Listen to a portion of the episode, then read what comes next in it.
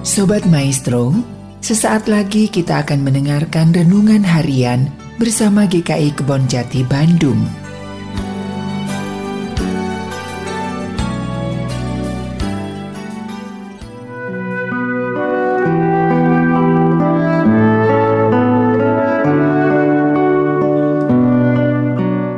Salam damai, saudara-saudara yang dikasih Tuhan Yesus Kristus. Hari ini saya Indra Listianto akan membawakan renungan dengan tema kualifikasi menjadi pelayan Tuhan. Ayat yang menjadi dasar dari renungan ini adalah kisah para rasul 6 ayat 1 sampai 7. Tentang tujuh orang dipilih untuk melayani orang miskin. Saya akan bacakan satu ayatnya yang menjadi nas hari ini karena itu, saudara-saudara, pilihlah tujuh orang dari antaramu yang terkenal baik dan penuh roh dan hikmat, supaya kami mengangkat mereka untuk tugas itu. Kisah para Rasul 6 ayat 3. Saudara-saudara, mungkin di antara kita di dalam melayani Tuhan di dalam gereja kita, kita berpandangan bahwa satu pelayanan lebih penting dari yang lain. Misalkan pengkhotbah, pendoa, pemimpin pujian dibanding dengan misalkan penerima tamu, kolektan ya, karena pelayanan-pelayanan yang lebih khusus kita pikir itu perlu persiapan lebih, perlu skill dan lain-lain. Tapi apakah demikian? Sebenarnya kalau kita belajar dari ayat bacaan kita, di jemaat mula-mula di sana ada problem.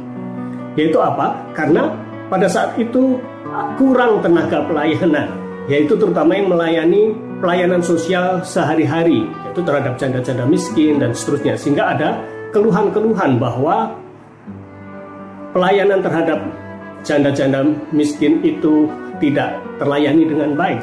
Sehingga para rasul harus turun tangan dan mereka melayani apa pelayanan meja dikatakan seperti itu. Sehingga apa yang terjadi?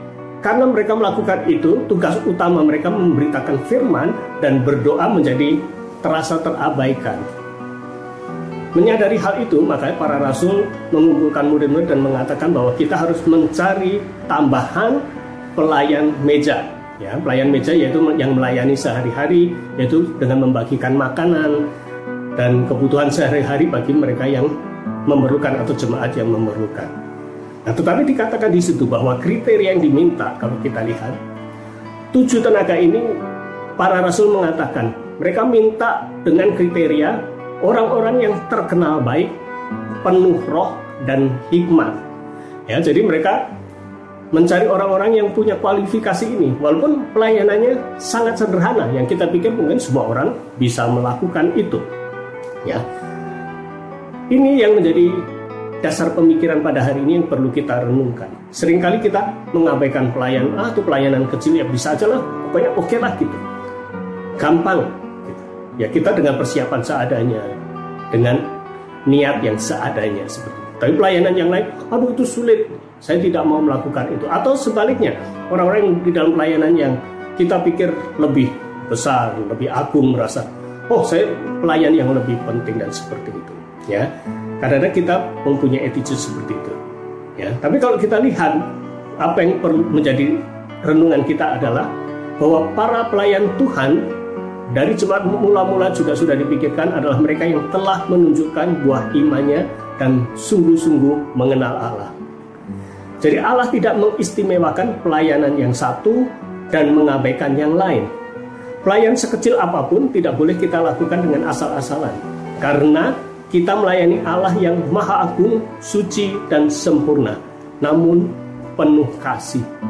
Ya, itu saudara-saudara renungan singkat kita pada hari ini. Jadi kalau kita melayani Tuhan, apa pun yang kita bisa lakukan, kita lakukan dengan sepenuh hati, dengan persiapan yang baik, terutama karena kita menjadi penuntun bagi orang-orang yang kita layani.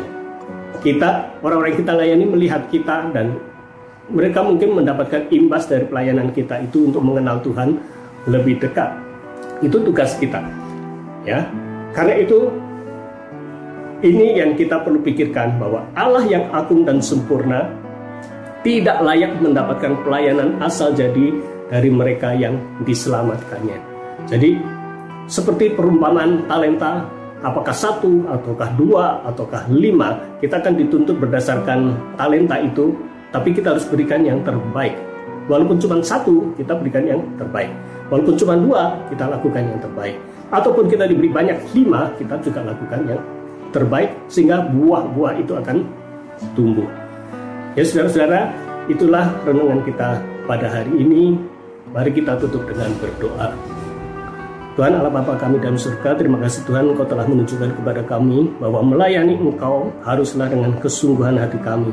Dan Engkau tidak membiarkan pelayanan yang sekecil apa pun itu terabaikan.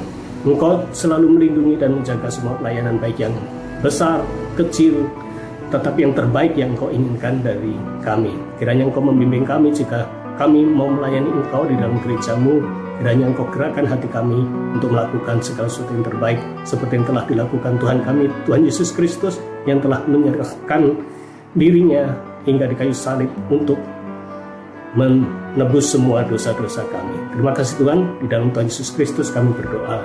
Amin.